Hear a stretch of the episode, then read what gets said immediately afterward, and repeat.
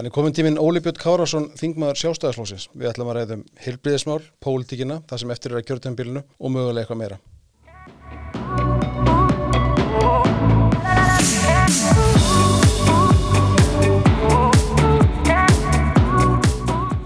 Óli Björn, velkomin. Takk kærlega fyrir.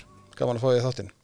Já, það er gott að fá þetta bóð. Nú þarfst að draga mikrofónin aðeins nærðir þannig að við heyrum betur í þér. Nei, ég, hérna, ég var nú að segja við þig áður um við hófum útsendingu. Ég, ég tala nú yfirleitt hátt en, en sagart mælingum að þá mun ég vera sá þingmaður eða í hópið þeirra þingmanna sem tala hvað hægast.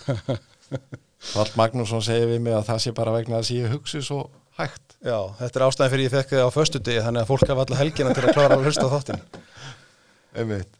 Herðu, þú hérna, þú skrifaði grein í morgunblæði í vikunni sem að vakti aðtekli margra. Uh, greinum í fyrirsöndinni byggt undir töfalt heilbríðiskerfi. Þetta er ekki til fyrsta gifti sem þú tjáar þig um heilbríðismál. Þú hefur gert það í nokkur ár og, og, hérna, og þekkir þennan málflokk mjög vel. Sko áðurum fyrir að tala um greinina sem slíka eða tengist henni reyndar, getur þú bara útskipt fyrir þeim sem er að hlusta hvað er töfalt heilbríðiskerfi og hvað er stemt við það? og hvern, af hverju hvað eru við að gera til að það veri til? Já sko við skulum hérna, ég held að sé hins vegar mikilvægt að, að átta sig á þeim grunni sem að við höfum byggt á hér á Íslandi og ég hef kallað þetta að það sé þjóðar sáttmáli um það að það sé sameigilegt verkefni okkar, hér okkar aldara, uh -huh. að tryggja það að allir hafi aðganga helbriðistjónustu, nöðsynleiri helbriðistjónustu, óháð efnag. Uh -huh og þess vegna erum við með sameigilegt tryggingakerfi og við greiðum yðgjöld í þetta tryggingakerfi hvert eitt og einasta okkar mm mér smunandi mikið en það eru auðvitað hluti af því að við erum auðvitað að tryggja þennan grunn jafnan aðgang. jafnan aðgang en þetta gerum við í gegnum hvers konar skatt og gjöld sem við greiðum það er sem sagt þannig að þessi þjóðasáttmáli gengur út á það að við erum öll sjúkratrygð og við eigum þar að leiðandi ákveðin réttindi. Við getum orðaða ákveðina kröfur um það að það sé tryggt að við njótum þeirra þjónustu sem við þurfum á að halda þegar við þurfum á hann að halda. Um þetta held ég að allir séu samanlega. Spurningin... En, en gerir fólks í grein fyrir mismunum á þessu kerfi og því sem gæsla upp að heilbriðskerfið? Nei, ég held nefnileg ekki og ég held að, að það sé það er svo nöðselegt að nálgast þetta út frá þessu. Það er að segja, við erum öll sjúkratrið mm -hmm. og þar með höfum við ákveðin réttindi mm -hmm. og það er hlutverk ríkisins og skilda ríkisins og heilbriðis yfirvalda að tryggja þessi réttindi og gera ekkert til þess að hafa þessi réttindi á okkur. Vegna þess að ef að við stöndum frammi fyrir því að það sé verið að skerða þessi réttindi, það sé verið að reyna að koma hlutum þannig fyrir að við getum ekki eh, haft aðgang að helbriðistjónustu sem að við teljum nöðsynlega að þá neyðast þeir minnstakosti sem hafa efni á því til þess að leita annað -huh. og þá ertu komið með grunn að því að hér verði til enga reknar helbriðistryggingar með svipuðum hætti og er í bandaríkjum uh -huh. og á grunni þeirra sækja menn síðan þjónustu til sjálfstæðstarfandi lækna eða jáfnvel sjúkurahús og svo framvegis. Og auðvitað eftir frjálsvíkjumadurinn Óli Björn Kárásson að segja, já, þetta er bara fín þróun, þetta er bara gott svona á þetta að vera. En það er ekki svona einfalt. Vegna þess að ég hygg að ef að það brestur koma, ef það koma brestir í þessa samstöðu sem er svo ríki í þjóðasálunum, uh -huh. að við séum samiðilega í þessu verkefni að reka þessar sjúkaratryggingar til að tryggja okkur öllum þennan þessa nöðsjölugu þjónustu þá gerist eitthvað meira í íslenskir þjóðasól, það brestur eitthvað meira og það er ekki það sem við þurfum á að halda. En það að við séum samtaka í því að tryggja öllum aðganga helbriðisþjónustu er ekki það sama og taka ákvörðunum það að ríkið eða heið ofinbera skuli veita þess að þjónustu. Uh -huh. Þvert á móti. Þetta opnar einmitt akkurat möguleikan á því að við gefum innum sjúkaratriðu valfrelsi um það til hverra þeir leita eftir nöðsynleiri þjónustu og það myndast ákveðið aðhald inn í kerfinu.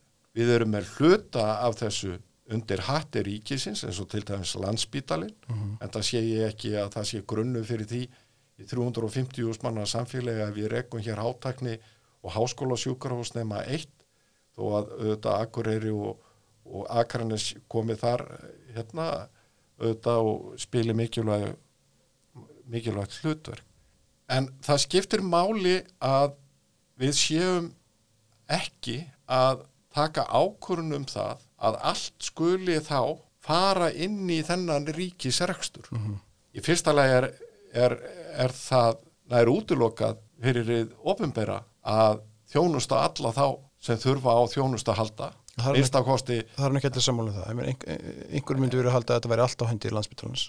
já, en vandinni hins að sá að landsbítalinn hefur ekki einu sinni ráði við þau verkefni sem hann er að sinna eða á að vera að sinna og í staðin fyrir að vera að velta því fyrir sér byttu eins og yfirveld heilbriðismála virðast ætla að gera í yfirlýsingu sem þið sendu frá sér í liðinni viku að það væri verið að fela sjúkaratryggingum og við getum farið við sjúkaratryggingar hér og eftir e, það verkefni að fara yfir það hvaða verkefnum til dæmis sem sérfræðilegna sjálfstæð starfandi sinna sé hægt að flytja inn á landsbítalan. Það eru 400-500.000 komur á hverju ári til sérfræðilegna sem eru sjálfstæð starfandi. Það eina sem mun gerast ef að menn gera þetta er að, jú, jú, þjónustan verður veitt, en hún verður ekki veitt á þeim tíma sem að þú, hinn sjúkratryggði, þarft á hann að halda. Það verður, hún verður veitt þegar að kerfið getur komið því við.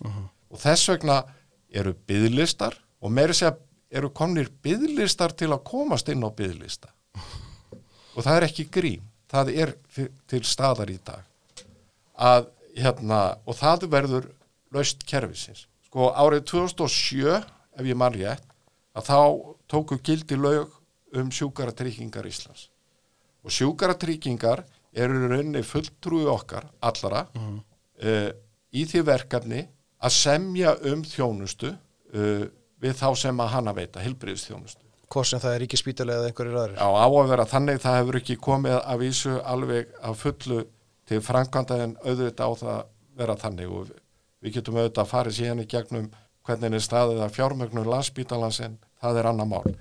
En það eru sjúkratryggingar sem eiga semst að semja og þetta á allt að vera gagsætt og kostnaðurinn á að liggja fyrir. Og það skiptir svo miklu máli að það sé, að það sé verið að semja við aðila. Hvort heldur það eru sjálfstæð starfandi sérfræðalæknar eða sjúkaraþjálfarar eða reykjalundur eða náttúrulækningahælið eða landsbítalinn að þetta sé gert með opnum hætti og það sjáist líka einhver samanburð og ég geng út frá því og þetta er auðvitað að uppfylltum ákveðnum kröfum um gæði þjónustunar og þar með hérna eh, myndast aðhald, innra aðhald ekki bara í ríkisrekna kerfinu heldur líka meðal hinn að sjálfstað starfandi e, þjónustuveitenda á helbriðsvið og við sáum hvað gerðist hér fyrir nokkrum árum þegar að Kristján Þór Júliusson, þá var þetta helbriðisráðra, leisti heilsugæsluna hér á höfuborgarsvæðinu úr fjötrum. Þá var það þannig að fjármögnunar mótili heilsugæslu á höfuborgarsvæðinu var gjörbreytt. Það var tekin svo ákvörðun að láta fjö fylgja hverjum íbú. Að teknu tilliti til svona líðfræðilegra þátta, aldur, uh, sjúkdóma, félagstöðu og svo framvegis. Þannig að menn eru kannski misjaflega mennir. Og einstaklingur fekk þar með heimild, leifi, frelsi til þess að skrá sig á hvaða þá heilsugjæslu sem hann kaus. Hann var ekki bundi við hverfið sitt. Hann gætt fari hvert sem er. Og hér komu þá til sögunar minnst okkur til tvær nýjar engareknar heilsugjæslustöðar. Salastöðin er eldri og byggir á ákveðnu grunni sem var til mikill að fyrirmyndar hérna og svo framvegis. Og hvað gerist þegar að þetta er komið til framkvæmda? Það er að segja að engareknir aðilar, heilsugjæslustöðar eða sjálfstæðstarfandi heilsugjæslustöðar og ofinbera reknar voru jafnfætis þær voru fjármagnaðar með sama hætti Mhm. og hvað, hver var niðurstan? Á örfáum vikum. Hurfu byðlistar allt í hennu gátu reykvikingar eða garbaengar fengi bara samtal við heimilislegni fengi að hitta á þess að þurfa að býða í halvan mánuð þegar flensa var búin sko. Ergo með því að koma á þessari samkeppni vegna að það var samkeppni á milli helsugjastlu stöðana að tryggja það að þjónustöða verið betri vegna þess að þar með var hérna eftirspurn eftir þeirra þjónustu. Auðvitað viltu vera hjá þeirri helsugjaststöð þar sem hún fari góða og fljóta þjónustu þegar þú þart á hann að halda. Mhm. þannig að þetta var niðurstaðan og það er bara eh, og þetta er fyrirmyndi sem við erum að reyna að gera. En það sem heilbriðisar á þeirra virðist ætla að gera núna er að fara í þveru átt ætlar ekki að semja við sérfæðilegna og ég ætla ekki að e, gera með neina grillur um það að auðvitað geta sérfræðilegnar alveg öruglega verið e, frekir. Mhm. og, og sjálfsagt er þá er tveir deila sko. Þá eh, er það nú þannig að það er ekki bara eitt sem að veldur þeim, þeirri deilu. Fóstur ríkispítalas getur líka alveg verið frekur sko í samlingu já, já. Nei, sko tilipni þessara greinar var þetta uh, reglugerð sem kynnt var í samráðskátt um það að þeir sérfræðilegnar sem ekki væru með samning og það eru þá engir sérfræðilegnar og færu ekki eftir fyrirmælum uh, sjúkratryggingar Íslands og tækju og væru að rukka einhver aukagjöld að svo þjónusta yrði ekki lengur endurgreitt frá hendi sjúkratryggingar það er sem sagt verið að leggja grunninn að því að þú sem sjúkratriður e, ertu í rauninni sviftur réttinduðinum í sjúkratryggingu Mhm. og uh, þar með tel ég að það sé verið að ganga gegn þessum sáttmála sem að ég var að segja frá í upphafi. Það verið að brjóta hann. Það verið að grafa undan honum.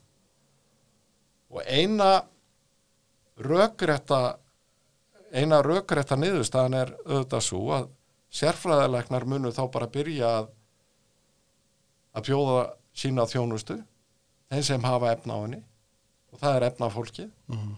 og fólk í góðum stöðum. Og líklegast munu þá hérna vinnuveitundu fara að huga því til dæmis að kaupa sjálfstæðar sjúkra tryggingar fyrir slíkt starfsfólk. Eins og er í bandríkjunum eins og er í bandaríkjónum en það er magnað ef að það er ráþera vinstri grænna Mhm. Sem leggur þá grunninn eða riður brautina að þessu tvöfalda heilbriðiskerfi Mhm. og það er dálítið magnað að fyrirstaðan kemur frá sjálfstæðisflokkum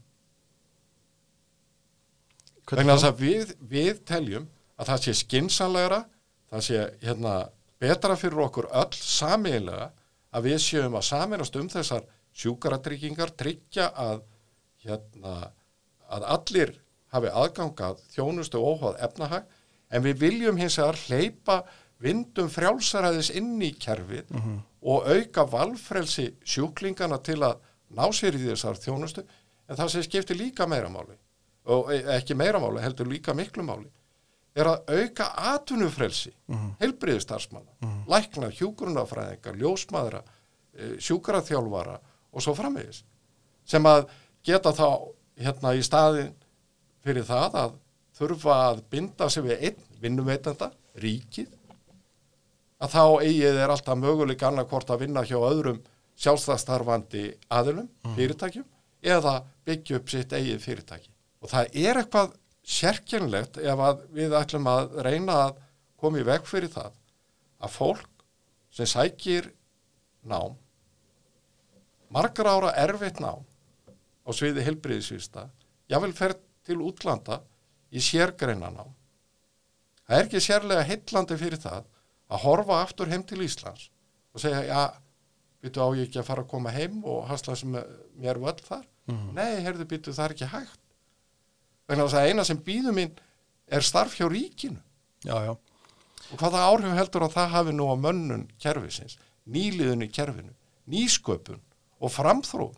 Við munum dragast aftur úr öðrum þjóðum þegar kemur að heilbriðismálum í stað þess að vera einna fremstir í heiminu en það er alltaf þessi skeptism eða, eða sko einhver vantrú á, á einhver þetta maður, ég meina þegar þú tala við stjórnmálamenn af vinstrivægnum og, og, og fólk innan kerfisins, ríkis heilbriðis kerfisins, þá er alltaf þessi sko vantrú í garð reikna stofa og hérna mennur sakar um ofrukkun og, og fleira þeim dúr, ég meina þetta heyrir maður aldrei með ríkisasturinn Nei, sko, það er alveg ótrúlegt að ég ætla ekki að draga þau í efa. Það er hægt að finna dæmið það að sérfræðilegnar einhverjir hafi rukkað og mikið eða séu frekjur til fjárins. Þá taka menn á því. Mm -hmm. en á sama tíma eru menn ekki tilbúinir til þess að setjast yfir það og gera ákveðna kröfur til dæmis til landsbítalans um meðferð fjár Mhm. þá er lausnin alltaf að dæla æ meiru og meiri fjármunum í, inn í spítalan í staðan fyrir að setjast niður og átt að segja á því, heyrðu, hvernig verið að fara með fjármunum? Hvernig er landsspítalinn eða hefðu ofinbera að sinna því hlutverki að bjóða þjónustu á þeim tíma sem hún þarf að fara fram? Og hvað kostar það? Og það kann að vera og það, það er staðurinn eins og til dæmis kom í ljós svo berlega hér 2007-2008 þegar að augsteina aðgerðir voru bóðunar út Mhm. að hvað gerðist? Kostnaður ríkisins, okkar sameiginlega, sjúkaratrygginga stórlækkaði Mhm. En það fengu fleiri lausn sinna mála. Og um og þá eru enga aðeins sem gerðu þetta. Já, já. þannig að sko vandin það, sko ef maður ekki að orða þetta kannski svona. Ég vil að skipulag heilbriðu sjónustunar taki mið af þörfum sjúkratriðu Mhm. þörfum sem að var lofað að yrði mætt með sameiglegum sjúkratryggingum Mhm. skipulagi getur ekki tekið mið af þörfum kerfisins Mhm. og við eigum að fara að hugsa hvernig er hagkvæmast að byggja þetta upp fara vel með fjármunni en krafan er hins vegar svo að það sé þurfi bara að fara að setja æ meiri og meiri fjármunni í hið opera ríkisrekna helbriðiskerfi, þjónustu og við þurfum að fara upp í 11% af landsfremleyslu eða 15% auðvitað er auðvelda leiðin er bara minga landsfremleysluna sko þá kemur þetta. Ég meina sem þýður auðvitað sýnir okkur hvaða í hvaða ógöngur þessi umræða er komin. En þetta er svona ég vona að ég sé að skýra þetta út með svona sæmilega einföldum hætti. Þetta er, þetta er mikið hjartansmál. Mér finnst þetta vera þetta snýst um bara í hvers konar þjóðfélagi við ætlum að búa. Og í þessu litla samfélagi hérna að ef að heilbriðismálin er ekki í lagi ef að það, ef við stöndum ekki við það loford að tryggja hér heilbriðistjónustu öllum þeim sem þurfa á hann að halda ef við gerum það ekki og ætlum síðan að rjúfa sáttina með því að búa til tvöfaldkerfi það brestur svo miklu meira. Það brestur eiginlega allt samfélagið og ég ætla ekki að taka þátt í því. Ég ætla að spyrna mjög hart við fótum og það munum við gera. Og skiptir engum máli þó að það sé ráður í ríkistjórn sem að ég stið að öðru leiti Ég ætla að koma þess að því á eftir sko með svona pólitísku hliðin á þessu. En það eru þetta hérna það sem þetta snýst alltaf um eru þetta eins og þú segir hérna sjúkatröðu, almenningur. Og, og áherslan er öll á kerfið innan gæslappa heilbriðiskerfið sem er oftast á landsbítalinn og aðrar óperastofnanir um, sko með þessa en þessi umræð er alltaf eins. Veist, það er alltaf verið að tala um það, hún er búin að vera svona í mörg ár. Veist, það eru einhverja blammeringar á einhverja stofur uh, menn eru að vinna á spítalunum og á sinni eigin stofu sendandi sjúklinga á millu og svona. Þú veist, er þetta erum við bara búin að missa tökin á þessu kerfi? Nei, ég von ekki, en nú er það þetta þannig að, að ég held að, að það sé nú hægt að færa rauk fyrir því að það hafi reynst landsbítorlaunum ágætlega að hafa innan sinna vekja aðgangað sérfræðilegnum sem eru síðan líka mm -hmm. sjálfstæðst þarfandi. Þetta þarf að, hérna, að vera einhver balans í því og svo framvegis. Þegar við horfum fram á það á næstu árum og áratugum er einhver stærsta áskorun sem við stöndum frammi fyrir hér þegar það kemur að heilbriðiskerfinu er mönnunni. Uh -huh. Við þurfum bara að fara að tryggja það að við löðum að okkur hinga til lands, bæði aftur Íslendinga en líka erlenda sérfræðinga uh -huh. til að taka þátt í því að byggja upp þetta heilbriðiskerfi sem við getum verið stolt af. -huh. Og ég er ágætlega stoltur að því, ég hins vegar veit að það er mikil sóun innan þess ég er stoltur á landsbítalunum þó ég sé gaggrinn þetta. Uh -huh.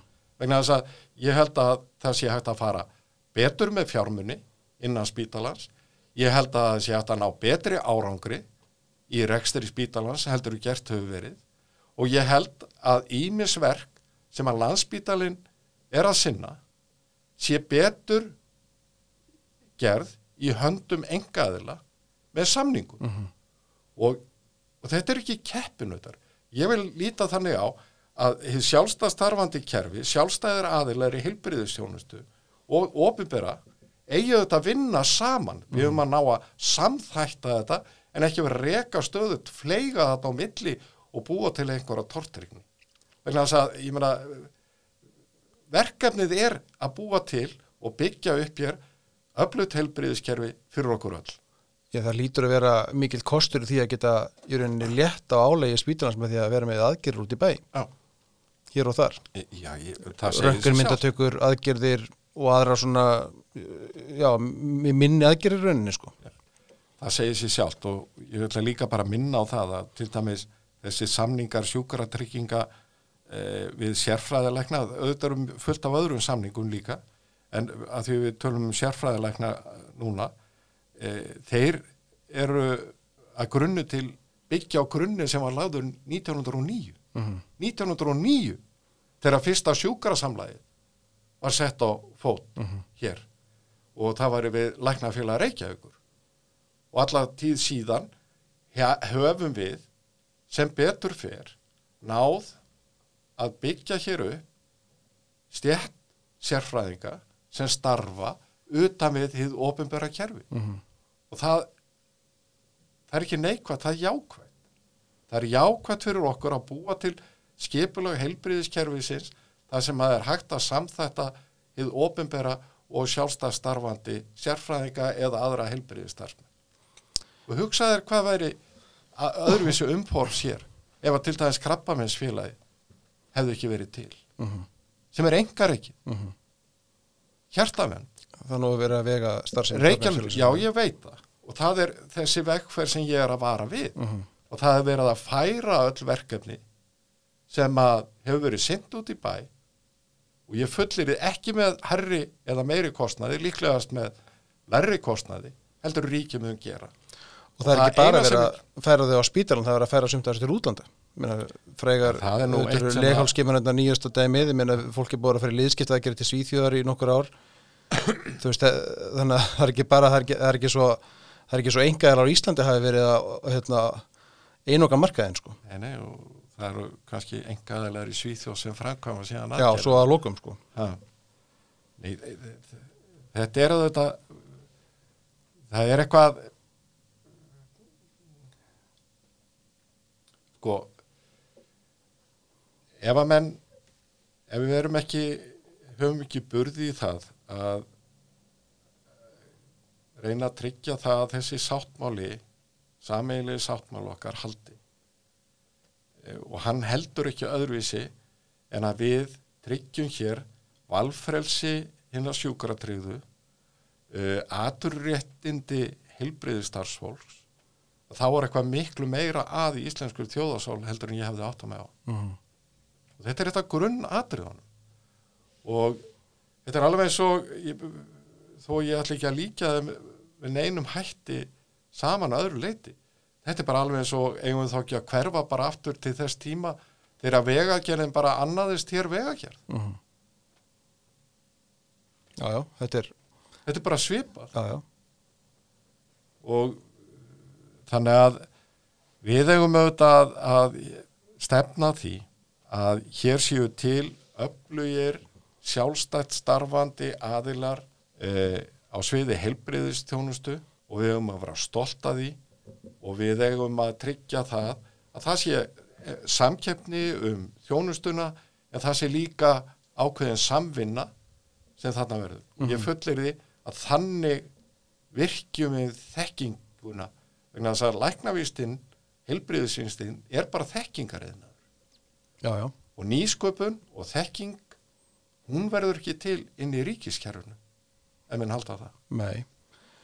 Og það er kannski það sem er fyrirlegast í þessu, eða fyrirlegt í þessu, er að, er að bara, man, við getum auðvitað haldi, sittið alltaf dag og rættum þá framþróun sem hefur átt sér stað hjá manninum síðustu 200 ár, en kannski síðustu 20, 30, 40 ár hefur þetta orðið gífurlega tækniframfærir og líka bara framfærir í vinnulegi samskiptum og svo mörgu. En það verða enga framfærir á þessu sviði. Af hverju er það? Þú er ég bara að tala um heilbríðskerfi í Íslandi, sko. Og Já, það nú, nú, nú er ég ekki að tala um tala um kerfið. Já, nú, ég, ég, að tala ég er ekki að tala um mentun læknana eða, nei, nei, alls ekki. Nei, ég, auðvitað vísu konar, ég- já, í, í læknisvísundum sem auðvitað hafa rætt að hinga, ég er ekki að segja það. Já, já, og, og hérna við erum nú svo heppin að eiga hér marga fremstu uh, vísindamennum á sviði svona helbriðisvísta. Ég ætti kannski frekar að orða þannig að það hefur orðið framför í alls konar fjármálum og rekstri ríkisins en ekki þarna Já, nú ætla ég nú kannski aðeins að hérna fara í debant við þig um þessa fullinningu. um, já, ég, ég held að það sé rétt hjá þér að hluta til en ég tek hins vegar eftir því að við erum að ægin þegar að kemur að ríkisfjármálum mm -hmm. er ekki eins og hann ætti að vera. Kanski er það vegna ymbið skalla sem að mér sýnist vera í lögum um óber fjármál og e, það sem lögjafinn hefur að stórun hluta e, framselt fjárveitingavaldið til framkvæmdavaldsins, mm -hmm. þar að segja til ráðherrans og þetta var gert í þeirri trú og því trösti að pólitíska valdar á þeirrans að það, það yrði e, svona e, meiri að þessum fjárveitingum myndu þá fylgja skýrari ábyrð Mhm. ólíkt því sem að væri um einhvern hóp þingmanna þá væri ráðherran uh, við getum tekið sem dæmi bara uh, fjármögnun heilbriðiskerfisins hún er ekki jafn skýr og áður.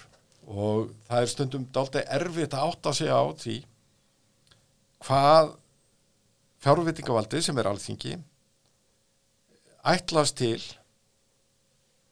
var þetta einstaka málaflokka. Hér á árum áður var þetta kannski oflant gengi hinn áttina að það varu hérna jável fjár, hérna, liklar í fjárlögum voru bara í hinnu minnstu verkefni. Já, já, en núna er þetta orðið svona eh, frekar heildartala e, mála svið, mála flokkar og svo framvegis. Og síðan hefur ráþeran miklu meira um það að segja hvernig fjármyndunum nýttir og í hvað þeir raunverulega fara. Er þetta ástæðan fyrir því að það er, er engin átökið þinginu lengur um fjárlögin? Já, það gæti verið að þetta sé eina ástæðan og, þetta hefur líka orðið til þess að, að það kannski þingmenn eiga kannski aðeins erfiðar að átta sig á svona hver, hver ströymur fjármununum liggur. Og þetta voru orðið til þess að mér finnst að aðhaldið að ríkisreksturinnum sjálfum. Og ég veit að Bjarni Benediktsson hefur oftar en einu svona oftar en tvísvar líst áhyggjum sínum á því og honum finnst eins og að að, að, að sem sagt menn veldi meira fyrir sér að auka útgjöld til einhvers ákveðins málaflóks heldur en því hvað þú ert að fá hvaða þjónustu ert að fá í staði fyrir þessa fjármunu og hvernig eru þessi fjármunu nýtti eru þeir að nýtast með þeim hætti sem að þingi ætlast til? Og það er þessi eftirfylgni og þessi svona yfirsýn sem að mér finnst hafa brostið verulega á undanförnum einhverjum árum. Krafan er um útgjöld en ekki um það að þjónustan sem að ríkið er að veita okkur að hún sé góð og hún sé skilvirk og hagkvæm. Það er komið einhver stað niður í skúfu og ég held að það sé hlutverk sjálfstæðisflokksins að taka þetta upp og segja, heyrðu, við leysum ekki öll mál með auknum útgjöldum. Við þurfum að fara að huga núna að því hvað við fáum fyrir fjármununa já, já, og við þurfum að fara að gera skýra kröfur til e, forstuðumanna allra ríkistofnana að þeir skil okkur þeirri því þjónustu sem við ætlumst til fyrir þá fjármuni sem þeir fá í hendur. Það sem ég átti við áðan var að eh, sko, ég, er alveg sammála þessu, þetta er alveg rétt. Það sem ég var að segja áðan var að þú nefndir sjálfur dæmi við vegagerna vegagerna er ekki lengur að leggja vegi. Uh, það er engaðalega sem gera það. Uh, stafræna Ísland við, erum að, við, erum að, við erum að þróa þjónur, við erum að, við erum að bæta þjónustu ríkisins á svo mörgum sviðum. Auðvitað gengur það mishægt og sumt gengur hæ- hægar en annað og allt það eða hraðar en annað og, og svo framvegis. En við erum búin að sjá og heyra fréttir af vandamálum í heilbyrðiskerfinu bara, þú veist, örgla alla mína æfi og alla þína æfi um, þú veist, hérna rúma á göngum, þú veist, fólk sitjandi á klósettum líka við á spítalunum, auðvitað alltaf þegar kemur að því að sem í fjárlög, en sko, það sem ég við er það að það hefur ekki orðin einn framþróun á þessu restur og við erum heldur ekki að fara á það, við við erum ekki að stefna á það, við erum ekki að reyna betrum bæta heilbyrðis rekstur ríkisins, það er ekki til um heilbyrðis kerfið, þetta er heilbyrðis rekstur, það er hluta sem ríkir ykkur. Ég, ég held að þetta sé rétt hjá þér á stóru hluta. Ég að vísu verður maður nú aðeins að fara líka að verja kerfið stundum. Ég held að það hefur verið stíin ákveðin hillaskref hér fyrir svona 7-8 árum þegar að var og, og rauninni byrjaði fyrr þegar að e, helbriðistofnanir út á landi voru sameinaður undir einn natt þegar svo Norðurlandi var helbriðistofnun Norðurlands, mm. helbriðistofnun Austurlands og svo framvegis og þar með náðist fram ákveðin hagræðingi yfirstjórn innkaupum og svo framvegis. Og ég held að það hafi verið uh, gríðarlega skeinsalegt skref uh, umdelt á sínu tíma að því að þetta var svona viðkvæmt á hérna, stöðum eins og heima hjá mér og söðakrók sko að hérna, skafferingar er nú ekki tilbúin að vera undir einhverjum sko. En, en það, allt held ég að þetta hafi tekist mjög vel. Og það má heldur ekki gleyma því að sjálfstæðisflokkurinn og þá var Guðlugur Þór, Þóruðarsson helbriðisar á þeirra hafðu auðvitað fórust um það að setja lögin um sjúkaratryggingarnar sem tóku gildið 2007 maður rétt.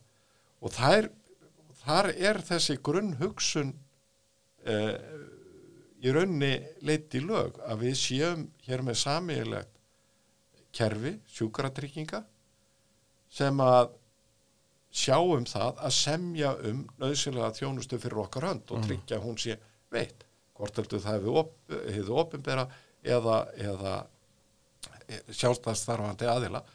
Og þetta var ný hugsun og ég held að, að það hefði hins vegar ekki náð að hrinda þessu að öllu leiti í framkvæmt vegna pólitískrar fyrirstöðu uh, margra.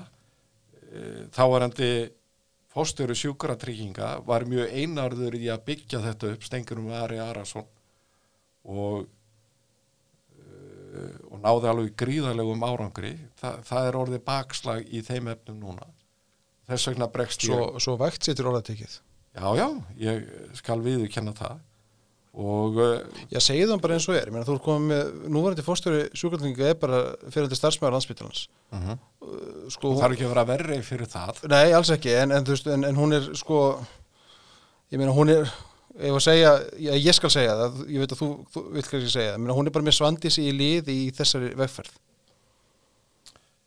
Já, ég ætla að eh, orða þetta svona, ég er alveg samfæður um það að hjá sjúkratryggingum hefur orðið stefnubreiting í þá átt að það ég fremur og það er þá í samræmi við yfirlýst, yfirlýsingu sem að helbriðis ráðaniti gaf út í senustu viku að það er að vinna að því að færa æg fleiri verk inn í ríkisreikið batteri, Mhm. hvort heldur það heitir landsbítalinn eða hvað það er ja, verkefni sem að sjálfstæðstarfandi hafa verið að sinna sérfræðilegna krabbaminsfélagið og svo framvegis það er unnið eftir á þessari forskrift Mhm. Og og það eru auðvitað fórstjóri sjúkratryggingar er auðvitað í töluverði líkil stöðu í þeim efnum Mhm. eh, honum ber hins vegar auðvitað að vinna þá er að fara að gera það sem hún á, það er um það á henn- hennar starfi ekki já, að hún, já, ég menna fórstjórin auðvitað er er auðvitað bundin að því að hrinda í framkvæmt þeirri stefnumörkun sem að ráþeira er með á hverjum tíma Mhm.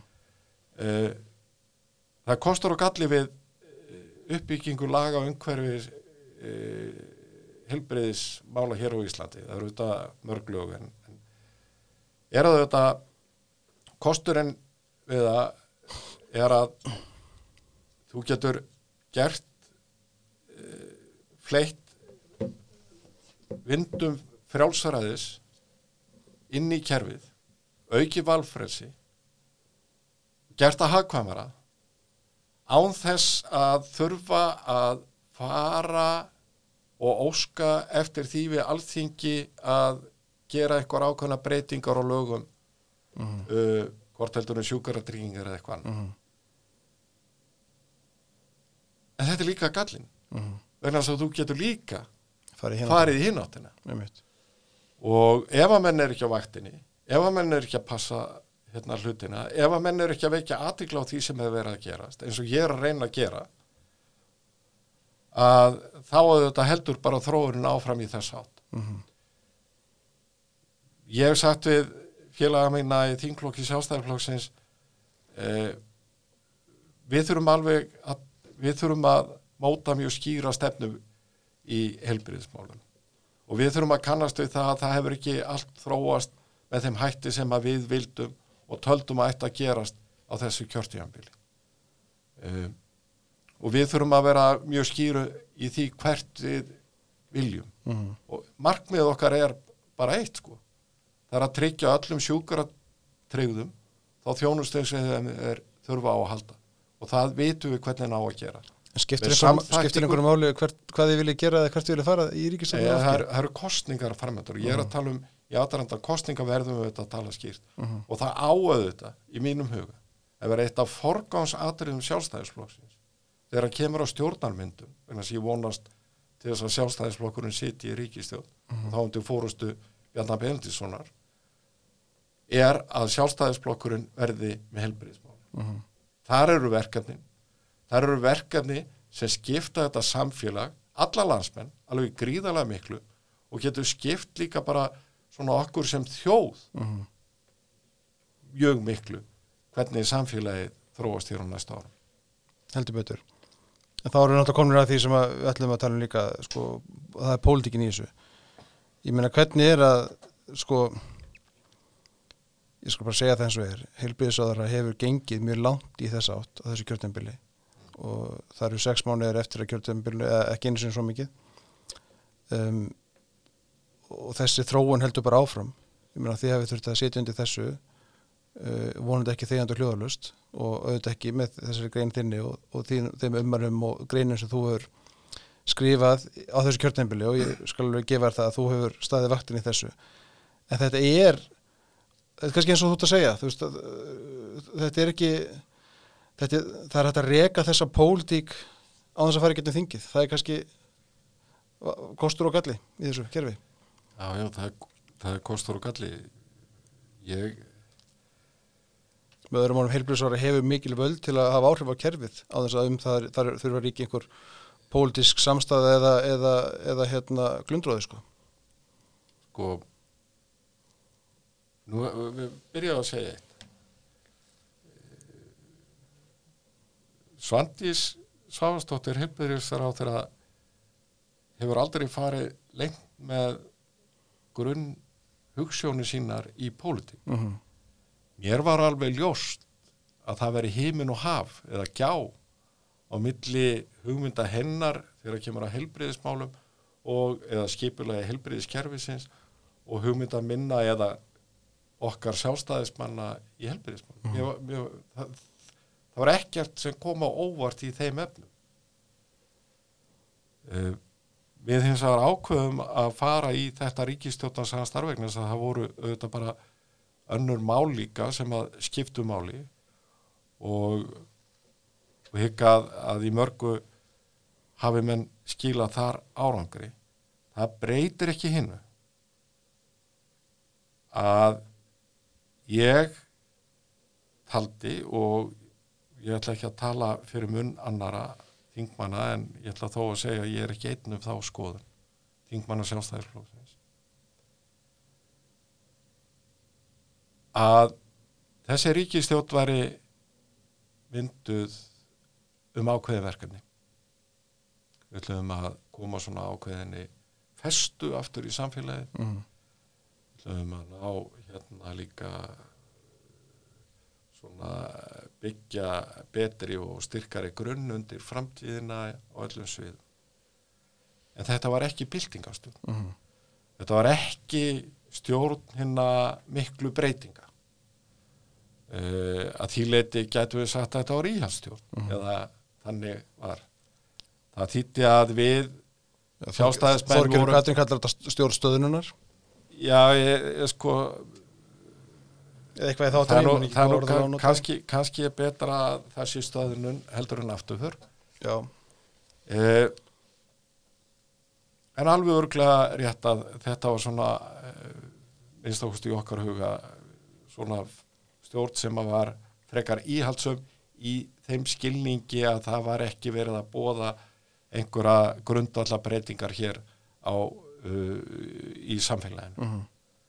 Þetta þýtti það að, að við vorum að sætt okkur við það að það voru ímis mál hjartansmál okkar mundu ekki ná fram að ganga. Mhm. og það var bara eh, eitthvað sem að bara raunveruleikin sem að blasti við okkur. En það er tvístefna í þeim efnum.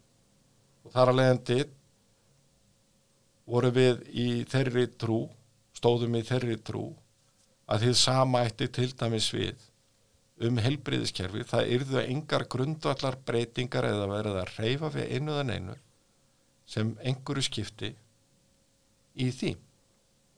Auðvitað ekki að koma upp mál og hérna, auðvitað þarf að halda áfram að, að þróa ákveði mál og, og þá hérna gera menn það í sæmilegri sátt og samleiti þetta hefur ekki alveg haldið Mhm. Ég byrju, en er þetta samt eitthvað sem ég helduð eða eitthvað sem að ykkur var lofað? Það veit ég, ég, já, ég, nú ætla ég að orða þetta svona í þessari trú stóð ég Mhm, mhm. þá hérna skulum við hérna ekki fara lengra í þeim efnum og þetta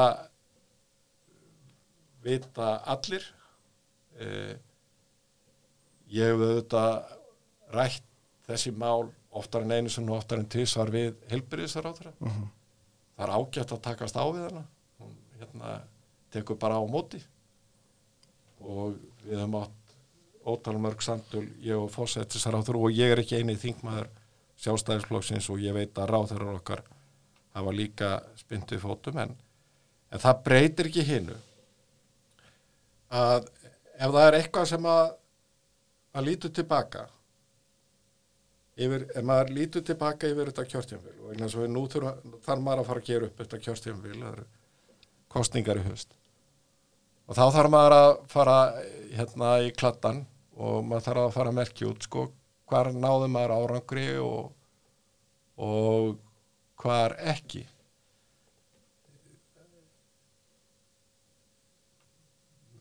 Ég sá nokkur af mínu málum hérna náfram að ganga eða svona sem ég hefði lagt áherslu á e, svona bara sem hérna sem einstakur þingmaður og nautar liðsinnis fjármálar á þeirri í þeim efnum svo sem eins og hérna skatteimtu á sumarhúsum að mm. það er búið að afleggja svo sem eins og að hætta að leggja fjármásteikju skatta á á sjóði og sjálfsæknarstofnanir sem eru í, í mannúðarmálum, mm. almannahillamálum, stiðja við listur um, og menningu og mentun. Uh, það er gert í gegnum stjórnafrumvarp sem að Bjarni Bindsson beitt sér mjög fyrir og svo framvegis. Og síðan horfi ég auðvitað á til dæmis bara að, að í gær þá var við aðra umræðu samþýtt að samina skattaransóknarstjóra og, og ríkiskastjóra mm -hmm. í einu stofnun. Það er að undir fórustu Bjarnan Berintinssonar mikil anstæða við það en að samfélkingarinnar allt í með það.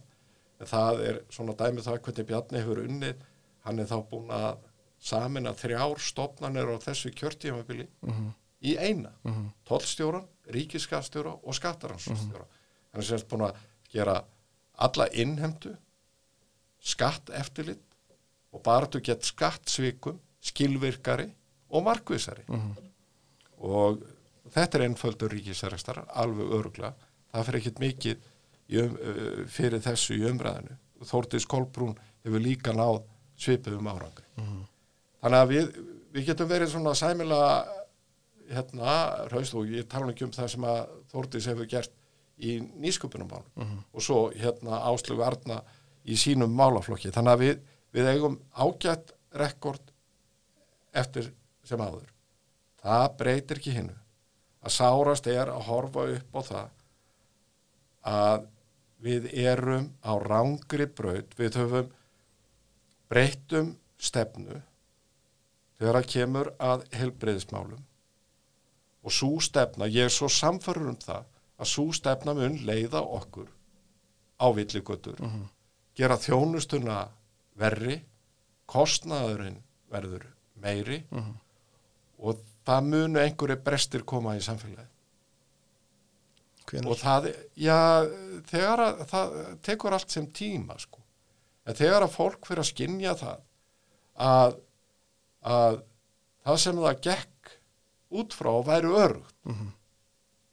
það er að segja að það fengi þá þjónustu sem það þarf á að halda helbriðistjónustu að þegar það skinnjar að það er ekki til staðar og skinnjar að, að það er orðið til töfald kerfið þar sem einn er efnameiri fá bara fljóta og góða þjónustu í gegnum enga regnar tryggingar þá held ég að við sjöum komin hérna með einhvern fleig á milli þjóðarinnar. Já, ég spurði hvenar að því að sko, eru þessi brestur ekki komnir að hluta til fram í löngum byggðlustum til dæmis? Jú, að einhverju leiti og ég menna auðvita... Menna sko, að því sko byggðlustar er ekki bara einhver pappir, byggðlustar þýðir það að einstaklingur er að hann er með einhver mein eða einhver, þú veist, hann er að þjásta einhverju leiti í mjöðum eða hvað sem það er sko, býðist er aðgerð, ja. það er áhrif á sálina, þú veist, þetta, þetta hefur alltaf áhrif.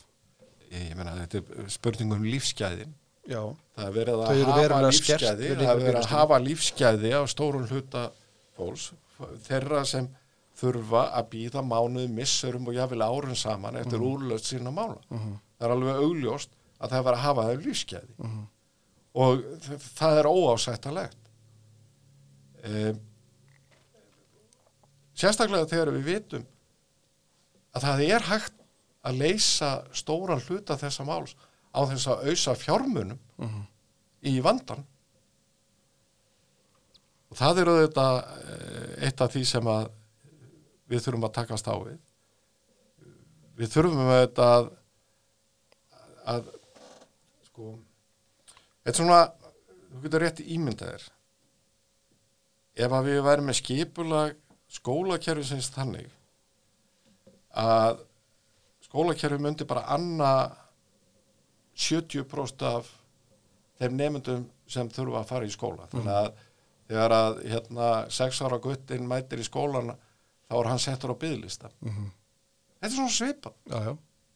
en það myndur kannski eitthvað segja eitthvað. En kannski er það orðið þannig að, að við erum orðin ónæm fyrir hvort öðru, ég veit það ekki. Nei, ég held ekki. Ég, ég er alveg samfærin um það. Þetta aftur ég er að reyna að setja þessi þetta mál fram með skiljanlegum hætti og ég ger mig grein fyrir því á stundum er maður ekki að ná utanum allt og skilur ekki allt inn í kerfinu. En ef að sjálfstæðisflokkurinn og aðrir borgarlega sinnaðri flokkar ná að tala á þeim nótum að allt snúist þetta um réttindi og þarfir sjúkratriða þá held ég að við munum ná að breyta um kurs og byggja upp hér helbriðiskerfi sem við erum stolt af. En hafa hægri menn kannski bara tapað barátunni fyrir Nei, nei, nei, nei, Fjölbreyttu- nei, þú fær mér nú aldrei til að játa það. Og, fjörbreyttur rekstraformi í hirbyðiskerfinu, kallaði það. nei, ég, að- þvert á móti, ég held að menn muni e, átta sig á því að fjölbreytileikin er til þess annars vegar að þjóna okkur sjúkaratriðum og hins vegar að gefa heilbriði starfsfólki fjölbreyttari tækifæri til vinnu Mm og þetta séu sameigilegur hagsmunur okkar að e, þá hafna ég því að við séum að tapa þeirri umræð. Ég að við séum að fyrst kannski núna að taka hana af því afli sem við hefðum átt að gera, -hmm. Hefðum átt að gera það fyrr, ytta málflutningin, gera hann skiljanlega, fá fleiri í lið með okkur. Við þurfum ekki að fá bara helbriði starfsfólk, við þurfum að fá fólk sem skilur það að það á ákveðin réttindi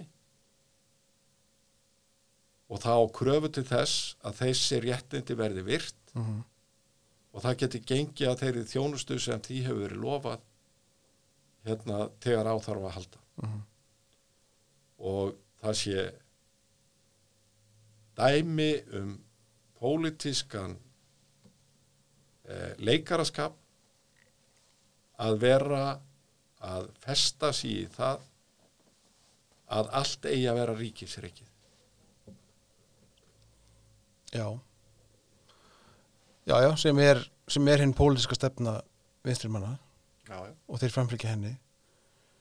Kannski bara svona rétt í lokin, um, eins og ég nefndi áðan, það eru, hérna, í loks eftirber, uh, áhættu þinglokur eftir cirka tvo mánu, 10. júni minnum er, maður rétt. Já, svo verður einhver þingstupur hugsalega í ágúst til að í þeirri bjart sínu vona að það takist að afgreða einhverja breytingar á stjórnarskrá Já, í samræmi við frumvarp sem að fósættsar á þar að laði fram mhm, eða einhverjar af þeim breytingum. mhm. Hvernig verða næstu mánuður í íslenskri pólitík? Ég veit það ekki.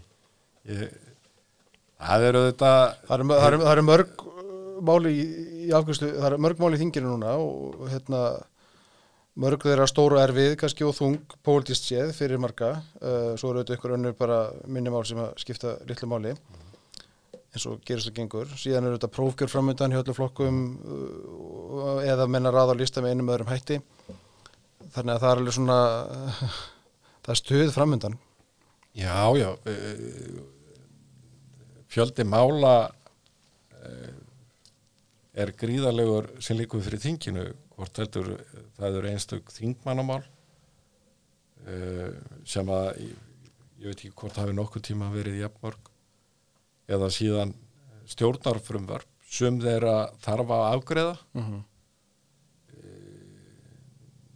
það eru til dæmis frumverð frá fjármálar á þar er varðar bara viðspyrnu efnaðarslífsins mm Mhm. -hmm. tryggja heimilum og fyrirtækjum viðnám kann til þessu líkur öllu þó við séum nú að líklegast að horfa fram á bjartari tíma Mm -hmm.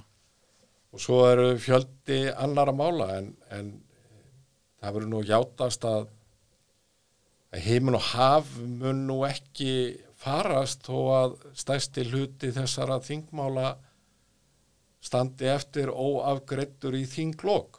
Það er ekki verra, ég held að sé jafnvel betra Já, að það sé. Það eru til dæmis ekki dvoðala mörg mál sem að við getum minnstókstu tveir skrifað upp og væri frelsismál. einmitt Þeir eru enn færri sem að eh, auka einhver réttindi einstaklinga em, eða tryggja þeim kannski einhverja e, léttari bakka mm. eða einfalda líf þeirra en það er þó eins og frumvar fjármálar á þeirra um rafverend Ísland Mhm. sem er mikið framfara skrif þannig að það eru svona inn á milli eru einhver mál en flest mættu nú vera hérna degja drottnin sínum eða minnst kosti frestast fram á næsta kjörtímabil. Og ég hef aldrei þólað það og hef gert sérstakar aðtu og semt er við það þegar að þingfosti og það er alveg óháð því hverju þingfosti stígur alltaf og heldur ræðu í lok þings og reiki sér að því að þingið hafi verið afkasta mikið, það hafi verið hérna 120 frumvör samþygt sem ný lög frá þinginu og árangur 30, 30 þingsályktuna tilur og 300 fyrirspurnir og ég veit ekki hvað og hvað og þá hugsa mér, já hversu mörg af þessum málum ætli með á ætla að hafi gert líf almennings Mhm. svona léttara og ef ekki léttara þá minnst þá skemmtilegra. Það er vondur mæli hvarði að á, á hérna þing hversu mörg frumvörp hversu mörg lög eru samþýtt á þingi. Heldur betur, við sjáum reglulega fréttir af því sko þegar þingmenn fari í páskafrí eða jólafrí eða tala um sumafrí menn uh, tala um þessi þingmenn sem alltaf er fríum. Ég er enda þeirra skoðunar að þessi frí að vera sem lengst og sem flest. Helst bara góð vetrafrí á milli og hérna Ég hef ekki að veri Ólafur Tórs uh,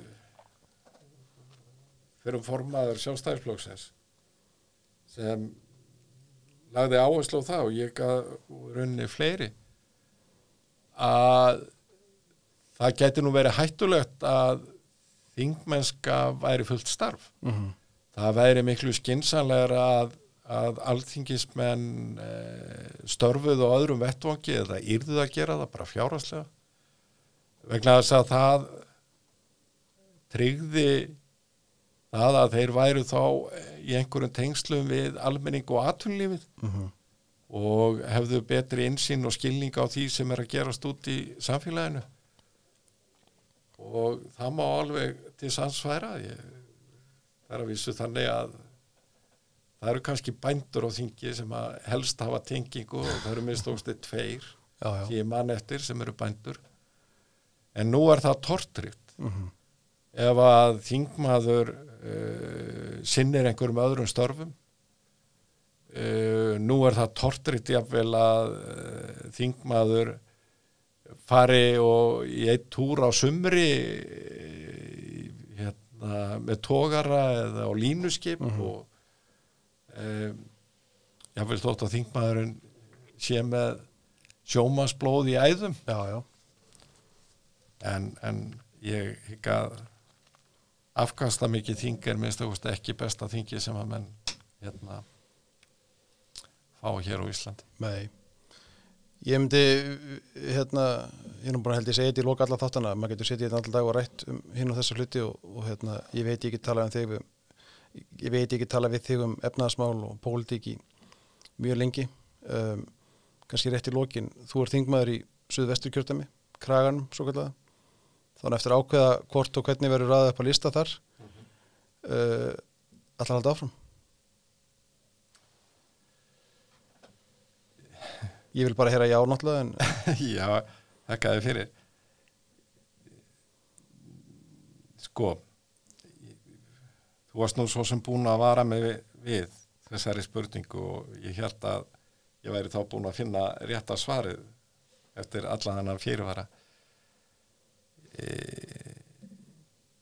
Ég er í stjórnmálum ástrið mm. ég er í stjórnmálu vegna þess að ég hef löngun til þess að berjast fyrir framgangi ákvæmna hugmyndafræðum, meðal hans í helbyrðismálum, en það er fullt annað. Uh, vettvangur alþingis er ekki eini vettvangurinn til þess að berjast fyrir framgangi hugmynda. Mm En að því sögðu þá er það auðvitað þannig að það er auðvitað ekki ákvörðin sem að ég teka einn minnst ákvæmsti, ég þarf að skinja að sé einhver eftirspurn eftir því að ég haldi áfram á þingi -hmm. um, ég hef svarað þessu þannig ég býð bara rólugur eftir því að stjórn kjördamaráðsins ákveði það með hvaða hætti verður skipað á frambóðslista ég geng út frá því þannig til annað kemur í ljós að það verði prókjör og ef það verður uppstilling þá verður uppstilling. Um, uh, og ég mun bara taka ákvörðun uh, þegar að það líkur fyrir ef að ég held áfram að þá er það vegna þess að ég hef skinnjað það að að ég fæ þá útrás fyrir þessari ástriðu Mm -hmm. og að ég nýt þá einhver stuðningsfélaga minna í kraganum til að halda áfram. Mm -hmm. Ég veit ekki hvort ég, ég er ekki að svara þér já en ég, sagði ekki nei. Nei, við skulum bara vona að þeir síni þann stuðning og hérna og þú haldir áfram. Það eru hérna spennandi kostninga framöndan. Já, já, þetta þetta, þetta eru spennandi kostningar og það sem meira er ég er algjörlega samfarið um það um, að sjálfstæðisblokkurinn er í kjörstöðu hann er alveg ótrúlega sóknarfæri í aðdæranda þessara kostninga það er engin flokkur. Engin og þetta er ekki sagt að róka það er engin flokkur sem byggir á jafn tröstum hugmyndafræðinum grunni og sjálfstæðisblokkurinn og það er engin flokkur sem hefur framtíðarsýn skýra framtíðarsýn Mm -hmm. um samfélagi eins og sjálfstæðisblokkur okkur hefur hins vegar ekki og, og við höfum getum bent á vel unnin verk á flestum sviðum en ekki öllum og við þurfum auðvitað að hafa börði til þess að kannast við það sem miður hefur farið og við vorum með, meðal annars að ræða það hér Mm -hmm. en við þurfum að geta komið þessu á framfæri með skiljalegum hætti en með einhverju sjálfströsti líka Mm -hmm.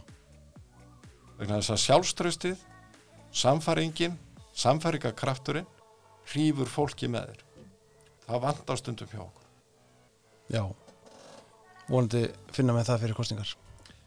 já við erum með magnaða fórustu og frábæra unga ráþeirra og Mm -hmm. Það er ekki, það er ekki svartnætti það er bara bjart framöndan þetta er bara spurningin um það að grípa tækifærið og nýta það í aðdæðananda kostninga og uppskera ríkulega á kjörti Látu það vera lokaorðin. Óli Björn Kárason, takk fyrir komuna. Takk hjá